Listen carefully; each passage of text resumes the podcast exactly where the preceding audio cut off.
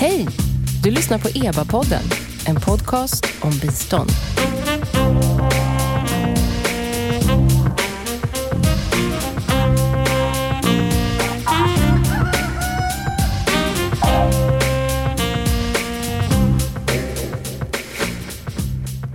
Välkomna till EBA-podden i Almedalen. Expertgruppen för biståndsanalys är det som står bakom den här podcasten. Och det är en statlig kommitté som oberoende granskar och utvärderar Sveriges internationella bistånd. Jag heter Nina Solomin. Bredvid mig sitter Jan Pettersson. Hallå? Chef för kansliet på Expertgruppen för biståndsanalys. Och vi sitter faktiskt i Almedalens bibliotek medan regnet öser ner här utanför.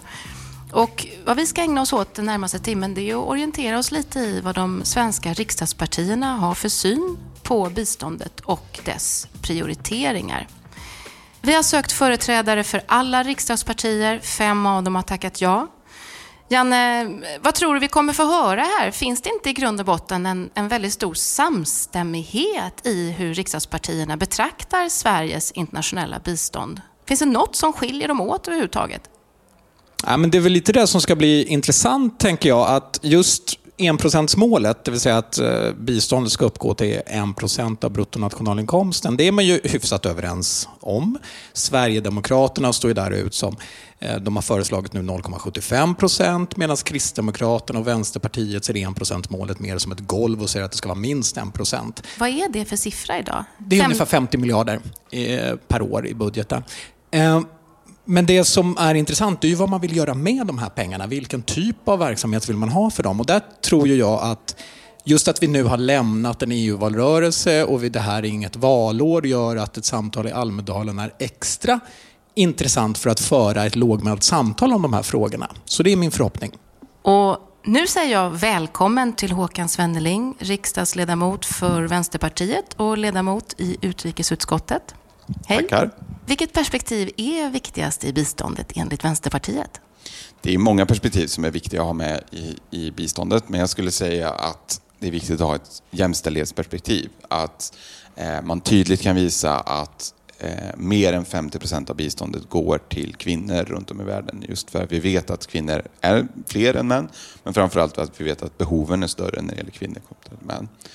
Eh, sen skulle jag säga att det är viktigt och i en tid när Donald Trump eh, och andra eh, ger sig på människors sexuella och reproduktiva hälsa och rättigheter, att det är viktigt att stå upp för SRHR-delen i biståndet och säkerställa att den är minst 10 procent av det svenska biståndet. Och jag tycker att Sverige har en viktig roll att liksom agera som motpol mot de krafter vi ser runt om i världen. Och det gäller ju också att man inkluderar eh, hbtq-personers rättigheter som, som, som är nära kopplat till det. Sen är det ju andra frågor som... som Vänta, får jag bara fråga ja. en sak där? Eh, när du säger så att det ska gå till kvinnor, vilken typ av bistånd är, kan man vara säker på går just till kvinnor till skillnad från män? Ofta sitter ju folk ihop i familjer och så vidare. Ja, ja och det är, det är en bra fråga, men i det humanitära biståndet så har man ju stora möjligheter att, att eh, hjälpa, eh, vara tydlig med vilka man hjälper. Eh, pratar vi SRHR så är det ju väldigt tydligt att man tydligare kan rikta det till mödravårdscentraler och, och på det sättet jobba mot kvinnor. Så att jag menar på att det finns ganska gott om sätt på att, att liksom, eh, absolut hjälpa hela familjer, men framförallt också se till att det, det hjälper kvinnors ställning i familjerna. Sen tänker jag att det är viktigt i den liksom biståndspolitiska debatten så har vi pratat väldigt mycket avräkningar eh, de sista åren upplever jag. Och det har blivit fokus på liksom hur man gör avräkningar, hur mycket man får göra avräkningar och sådär. jag skulle egentligen liksom välja vända på hela den debatten. Alltså, har vi ett mål om att vi ska ha en procent i, i biståndsbudget från Sveriges sida, då ska ju det vara ett golv. Ett golv som vi aldrig understiger. Och i en tid där vi pratar om upprustning av vårt försvar så borde vi också prata om liksom upprustning av vårt liksom internationella Eh, engagemang och samarbete som ett försvar för Sveriges liksom, trygghet och en tryggare värld.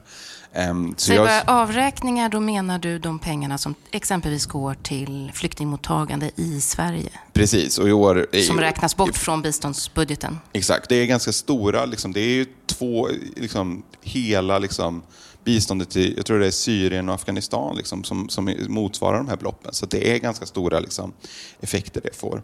Och sen tycker jag utifrån att man liksom... Så du tycker inte man ska avräkna? Nej, definitivt inte. Eh, oavsett om OECD-DAC tycker att man kan göra det så tycker jag inte vi ska hålla på med sånt.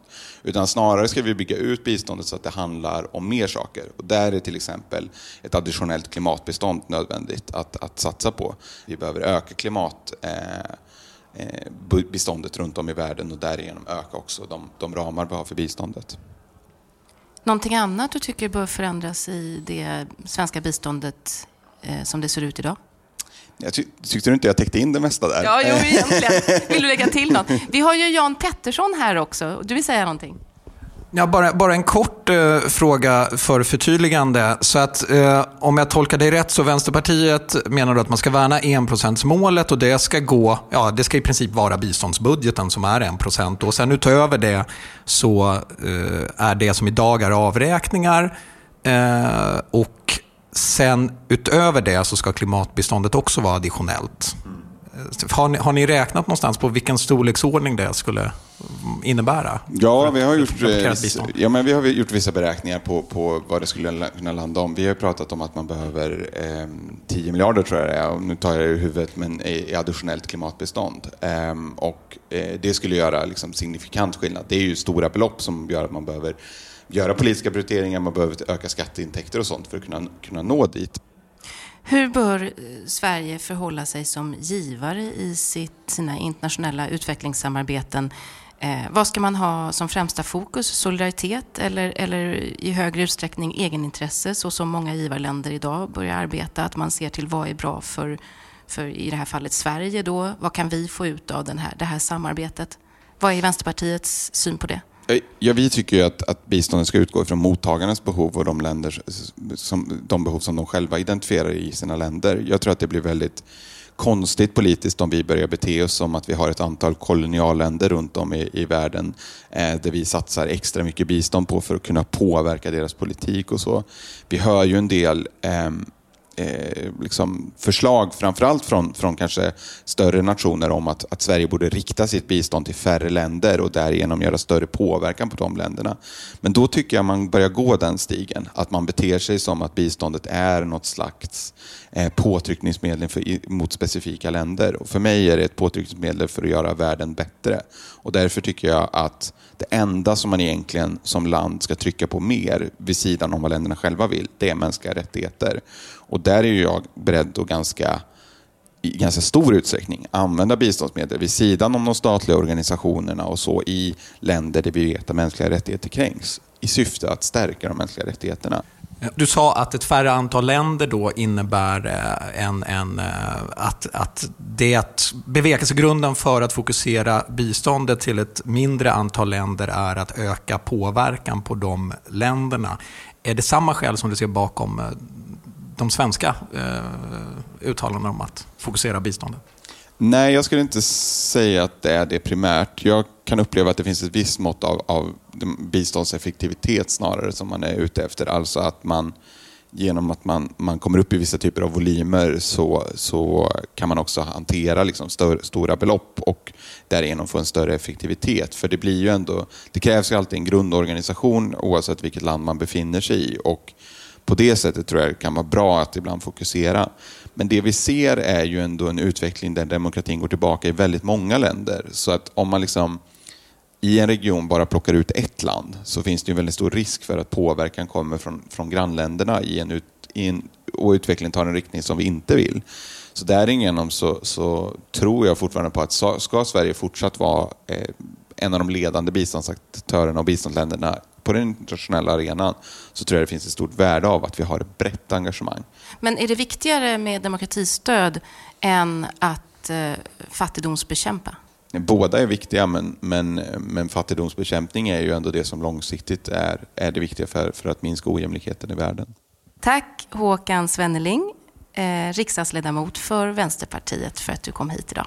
Tack så mycket.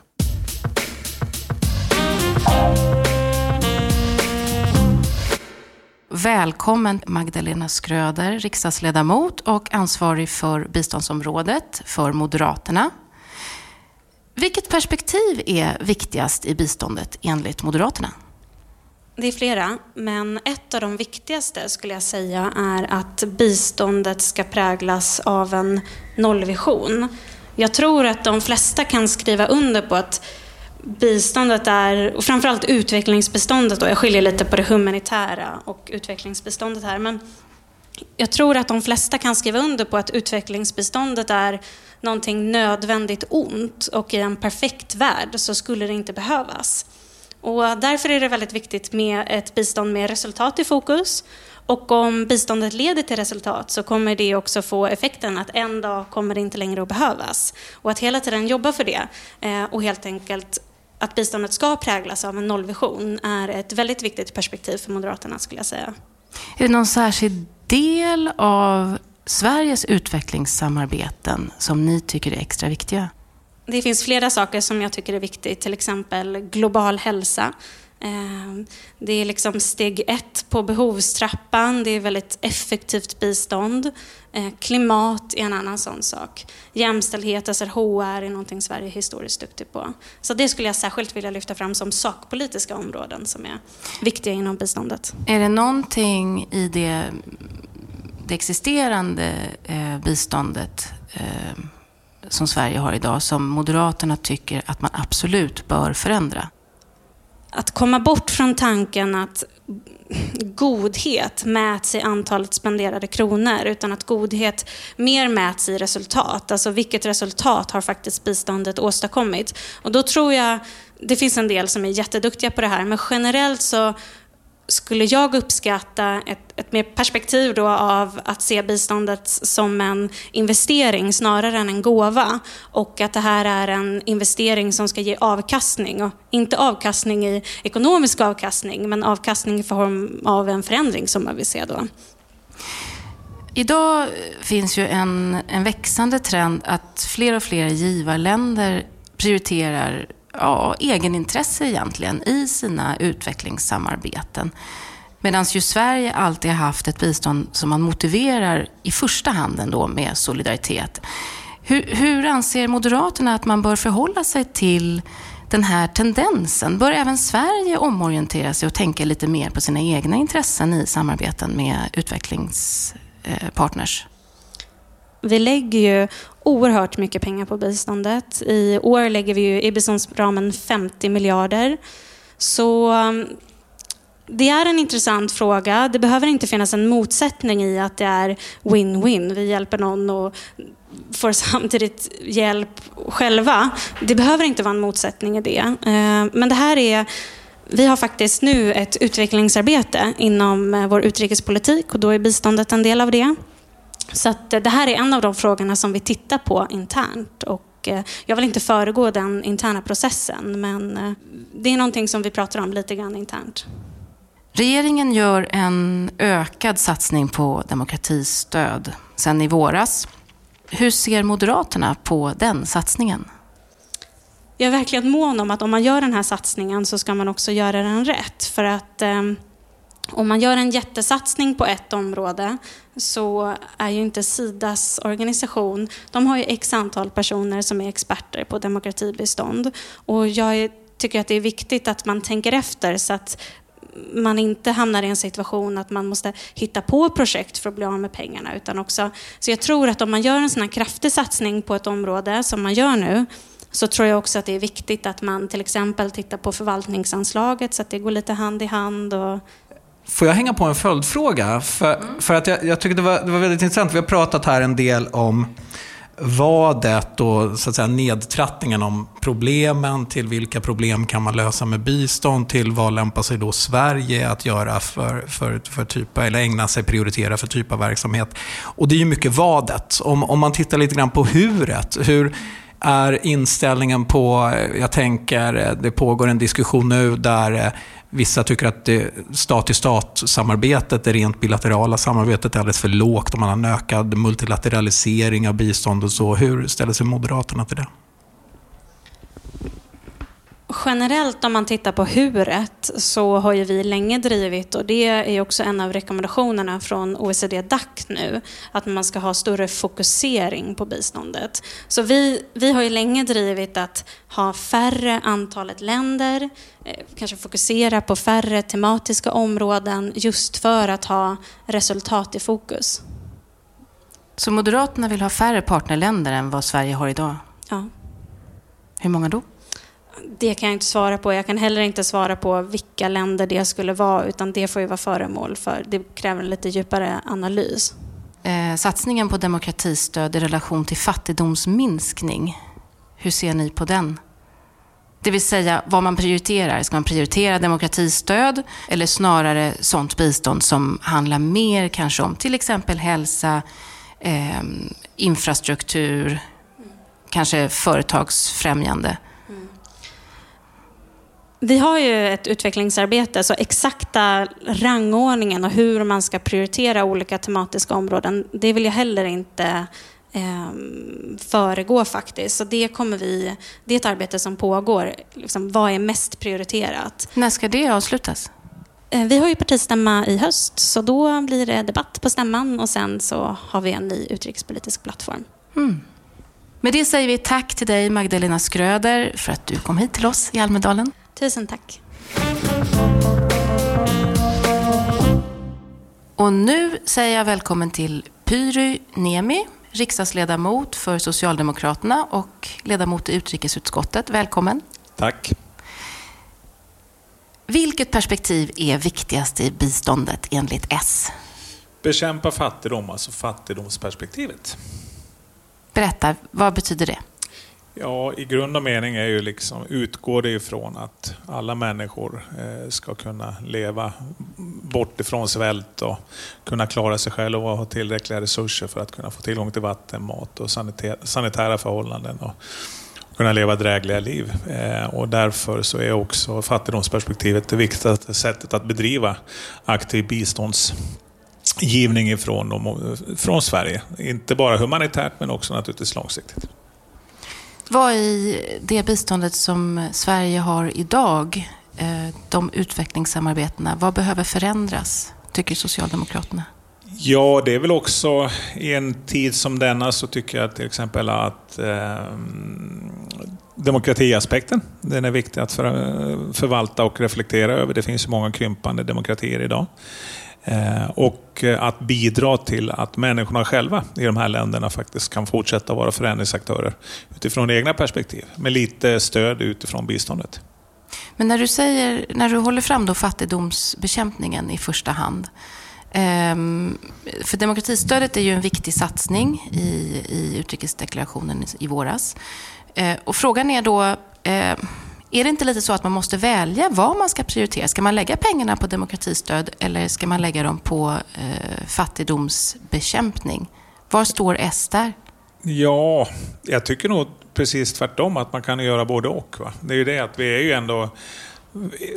Sverige är ju ett av världens främsta biståndsgivare.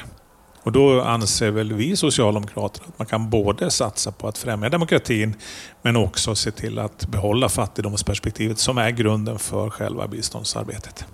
Det finns en växande trend idag internationellt att många givarländer sätter sina egna intressen i första rummet när man har utvecklingssamarbeten med länder, partnerländer. Hur tycker Socialdemokraterna att Sverige ska navigera i ett sådant biståndslandskap? Vi tycker främst att bistånd ska utgå ifrån lokala ägarskap. Eh, det, vi måste ju sätta alltså det landets behov i första rummet, annars skulle vi inte bidra med biståndet.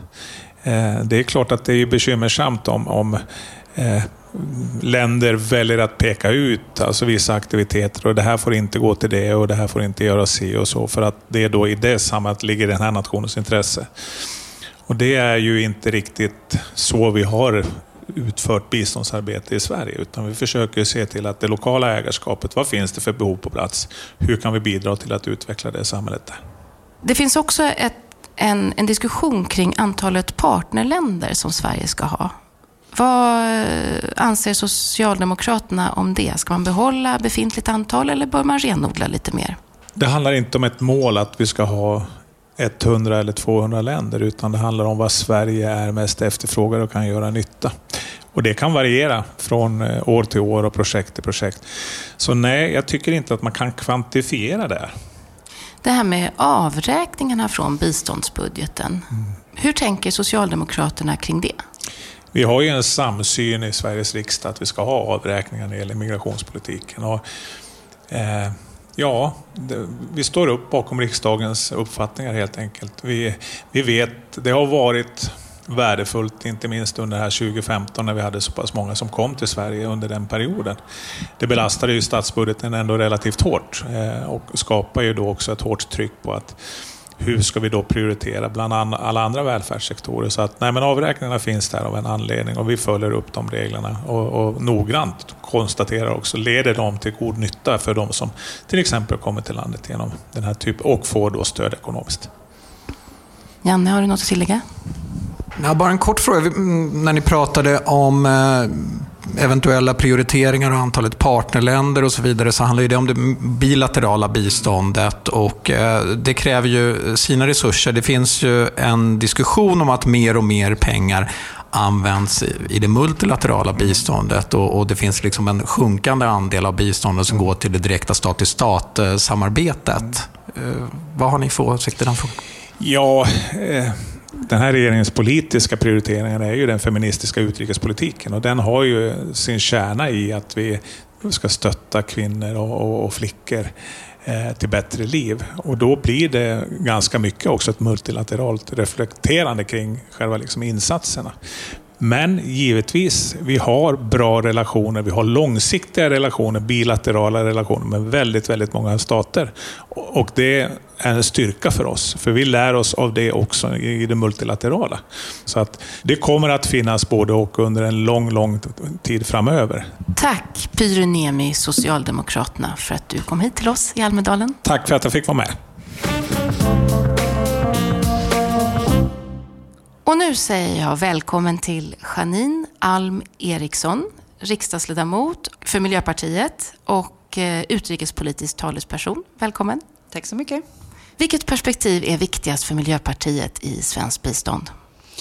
Det är ju eh, naturligtvis det grundläggande med fattigdomsbekämpning. Eh, men i det så har vi ju miljö och klimatfrågan som oerhört viktig. Vi har demokratiutveckling och fokus på mänskliga rättigheter mer jämställdhet.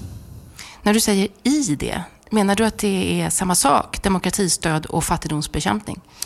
Alltså man kommer ju åt problemet på olika sätt. Därför är vi så glada också nu med Agenda 2030 och att man har antagit ett större sånt holistiskt synsätt. Därför att det är klart att man bekämpar ju inte bara fattigdomen genom att ge medel just till de mest utsatta människorna utan det är också kapacitetsbyggande och demokrati och en välfungerande demokrati är ju både en bättre förutsättning för att befolkningen inte ska svälta men också för ett starkare klimat och miljöarbete. Anser Miljöpartiet att de så att säga viktar lika, lika tungt, demokratistöd till exempel, respektive fattigdomsbekämpning? Det handlar ju om att se både på kort och lång sikt. Och vi måste ju jobba både med det akuta som är precis här och nu, men vi måste ju också jobba förebyggande så att säga och stärkande. Och det är ju två lika viktiga ben som man måste ha eh, i huvudet samtidigt. Den växande trenden att fler och fler givarländer prioriterar sina egna intressen i sina utvecklingssamarbeten. Finns det någon eh, skäl för Sverige att omorientera sig och, och ta efter den typen av eh, biståndssamarbeten snarare än att betona solidaritet och ha liksom en altruistisk hållning? Det ser inte vi som en eh, positiv utveckling för biståndet utan det är ju just att man ska ha fokus på de områden där man ser att det behöver stöttning och hjälp ifrån det internationella samhället. Så att vi vill inte se ett bistånd som utvecklas åt det hållet. Samtidigt så finns det ju delar eh, som till exempel eh, Swedfunds arbete där det handlar om att göra investeringar och tillsammans med näringslivet och bygga lokal kapacitet på det sättet. Men inte alls att vi ska styra om på det viset som vi ibland hör i debatten idag till att det ska bli mera också utifrån egenintresse. Vad anser Miljöpartiet om eh, diskussionen kring hur många partnerländer Sverige har i sitt utvecklingssamarbete? Bör man ha fler partnerländer eller färre? Vi driver inte på något sätt en, en, förändring i antal. Vi vill ju att man hela tiden ska utgå ifrån de behov som finns och där vi ser att vi kan göra en, en skillnad och en insats. Så att vi tycker att diskussionen om fler eller färre blir alltid lite felfokuserad på det viset. Men om ni måste välja? Vi vill ju välja att göra insatser där vi gör mest skillnad. Och det är det vi ska använda biståndet till. I hur många länder som helst? Nej, därför att då blir det ju till slut utvattnat. Nu har vi ju de länder som vi har. Eh, vi hoppas ju att fler, eh, Eh, att vi kommer få färre länder, för vi vill ju se att biståndet också leder till resultat och att man inte längre eh, behöver ett bistånd som en del i sin utvecklingsprocess. Eh, så att det är klart att alltså det finns ju en önskan om minskning därför att vi ser resultaten. Men inte en minskning utifrån att man säger att nu ska vi ha färre oaktat de behov eller, eller alltså fokus på där vi kan göra mer nytta. Vad anser Miljöpartiet om eh, avräkningarna som görs på biståndsbudgeten för flyktingmottagande i Sverige? Där är ju Miljöpartiet tydliga att vi vill ju hålla avräkningarna så låga som möjligt. Hur menar du då? Ja, jag menar precis det som jag säger, att det finns ju eh, avräkningar som vi gör. Det finns ett internationellt regelverk kring de här eh, avräkningarna. De måste vi följa, men vi kämpar ju hela tiden för att vi ska hålla dem så låga som möjligt. Så att biståndet just ska kunna göra den här långsiktiga effekten som jag pratade om och den förebyggande delen ute i världen. Men man ska kunna avräkna för flyktingmottagande i Sverige? Vi gör ju det. Mm. Eh, och det säger ju också det internationella regelverket att man kan göra. Och det... Eh, Står Miljöpartiet bakom? Ja. Mm. Bra. Eh, Janne, har du, du har suttit med och lyssnat. Har du någon fråga? Ja, möjligtvis eh, samma fråga som jag faktiskt ställde till Socialdemokraterna också. Eh, I samarbetet med länderna i det bilaterala biståndet. Det finns en diskussion om att en krympande andel av biståndet går till stat-till-stat-samarbete, bilateralt samarbete. Eh, vad är Miljöpartiets åsikt i frågan om att en ökade del används dels för eh, kärnstöd till multilaterala organisationer men att också Sida i ökad utsträckning använder, kanaliserar biståndet via multilaterala organisationer? Sverige är ju en av de eh, största givarna till de multilaterala institutionerna och det tror jag är, är, en viktig del. Vi får hela tiden höra och se ute i världen hur viktigt det är. För om vi inte jobbar multilateralt heller så faller ju stora delar av det internationella systemet som behövs för att upprätthålla en, en helst minskad konfliktnivå men åtminstone inte eh, en eskalerande. Eh, och vi ser ju också hur man har möjligheter att samarbeta på ett helt annat sätt än, än i det bilaterala. Tack för att du kom hit, Janine Alm Eriksson. Tack så mycket.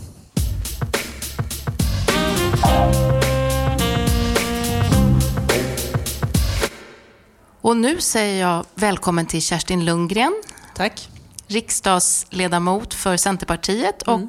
Utrikespolitisk talesperson. Precis.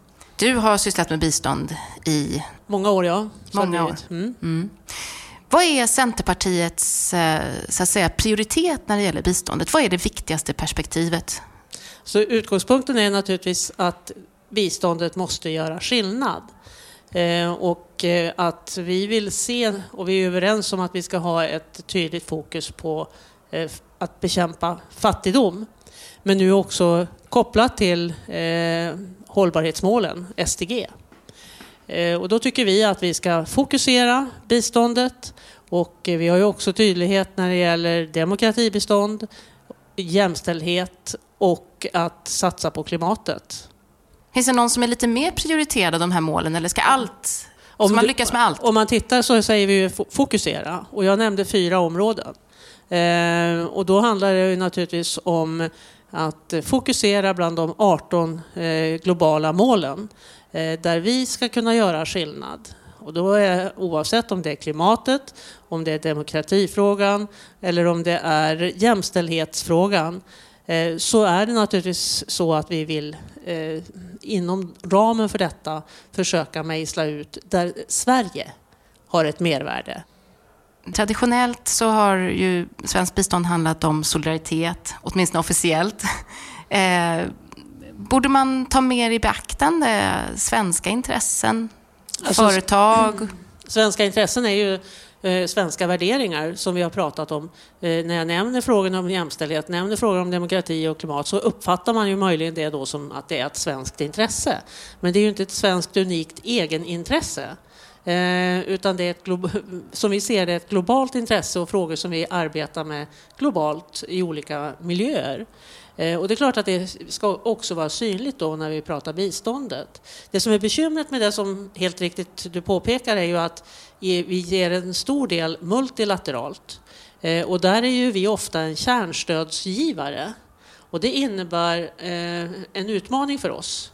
Eftersom om vi ger kärnstöd och andra bara ger projektstöd för att, så att säga, hävda sin unika eh, sälj... Eh, och punkt, där de också kan få ett konkret utbyte Ja, alltså, handel, ja eller? oavsett vad det är. Mm. Oavsett vad det är, så med eh, ett unikt projektstöd som riktar in Bundet. och vi, eh, vi ger kärnstöd så innebär det att det blir vi som blir hängrännan mellan olika länders eh, eh projekt. Och därmed blir vi ju en del av ett problem. För ibland så är ju det uppenbart när vi nu har allt fler auktoritära ledare och stater och demokratin backar så är det ju tydligt att många av de länderna eh, går i fel riktning och väljer då projekt som också går i motsatt riktning mot vad vi vill. Och det blir en utmaning för oss i den multilaterala miljön. Vi hade ju ett exempel nu bara i år när UNDP skulle fira 70 år av mänskliga rättigheter och eh, då valde att ställa in sin eh, utställning av hänsyn till Kina. Och det var ju en, en lackmustest. Alltså i Sverige i, i, Sverige, våras. Ja. Mm. Det var ju en lackmustest på vilken roll Kina har i det multilaterala systemet och hur det påverkar vad olika agenter är beredda att göra. Kärnstöd ska jag säga, det är alltså ett in, obundet. obundet stöd som ges så att säga, för man får använda som man själva vill. Just det, till skillnad från projektstöd där det är väldigt definierat. Precis. Janne ville komma in. Nej, jag tänker bara om nu kärnstödet är problematiskt utifrån perspektivet att Sverige är ganska ensam kärnstödsgivare. Eh, det är så jag förstår det, inte ja. att det är problematiskt i sig. Om alla skulle ge kärnstöd så skulle det sannolikt Då skulle det vara, vara bättre, positivt. Ja. Mm. Vad är det politiska svaret på det? Är det att försöka få andra att ge kärnstöd eller är det att bilateralisera mycket av det svenska biståndet? Från vår sida har vi då sagt att vi måste testa de multilaterala miljöerna eh, och eh, försöka så att säga, säkra, säkra att vårt bistånd inte går till fel eh, insatser. Eh, och vi är också beredda att öka och har uttalat att vi är beredda att öka det bilaterala stödet eh, för att kunna säkra att de eh, mervärden som vi tycker att vårt bistånd har eh, verkligen eh, når fram. Det finns en diskussion om huruvida Sverige ska ha det antal partnerländer man har idag eller om det antalet bör krympas. Mm. Vad står Centern i den frågan? I grunden så tycker vi att man måste fokusera för att få ett bättre resultat och bättre utfall. Eh, och eh, det var ju tydligt när OECDs eh, peer review kom här att man också tyckte att man behövde fokusera biståndet. Det känns som en lång resa antalet länder är mer eller mindre konstant.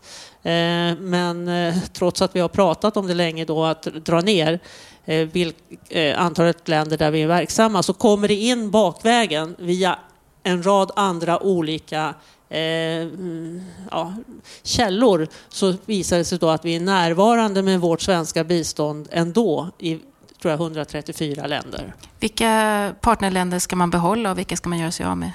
Jag tycker ju att vi har, som jag sagt, de least development countries tycker jag har en särs, att vi har ett särskilt ansvar. Eh, av flera skäl. De fattigaste att, länderna? De fattigaste länderna.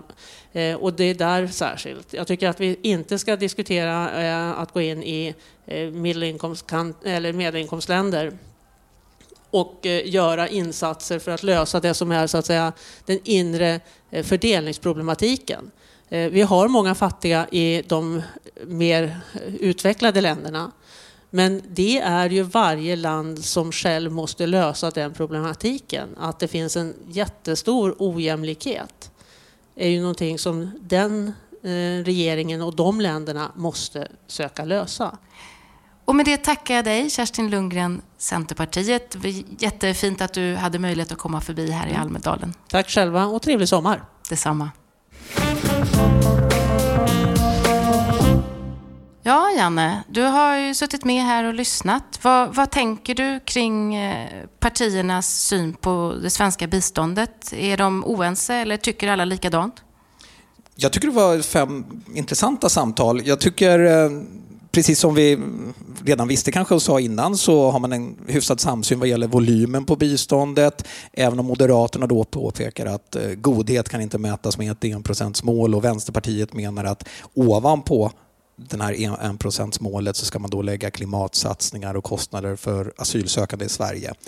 Eh, men eh, i stort är man väl ändå hyfsat överens av de fem partier som vi har intervjuat här. Sen tycker jag också att man har en samsyn i att peka på att biståndet är ett viktigt politikområde och eh, det speglar ganska väl den svenska opinionen. Och vad skiljer dem åt? Vilken fråga är liksom, finns det störst olikheter i?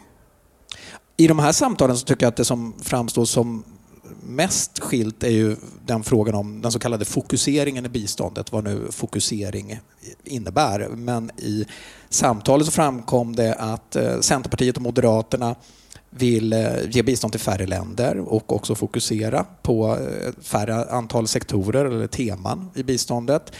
Vänsterpartiet säger att det kan i och för sig finnas effektivitetsskäl för att göra det men att man ändå tycker det är viktigt att ha ett brett engagemang. Eh, Socialdemokraterna och Miljöpartiet eh, menar istället att utfasningen av länder bör istället styras av de resultat som biståndet ger så att man så att säga, i takt med att man graduerar från biståndet så, så kan man fasas ut. Och den här relationen eh, demokratisatsning, demokratistöd kontra fattigdomsbekämpning vad kan man, är, det, är det någon av partierna som egentligen är villig att prioritera det ena före det andra?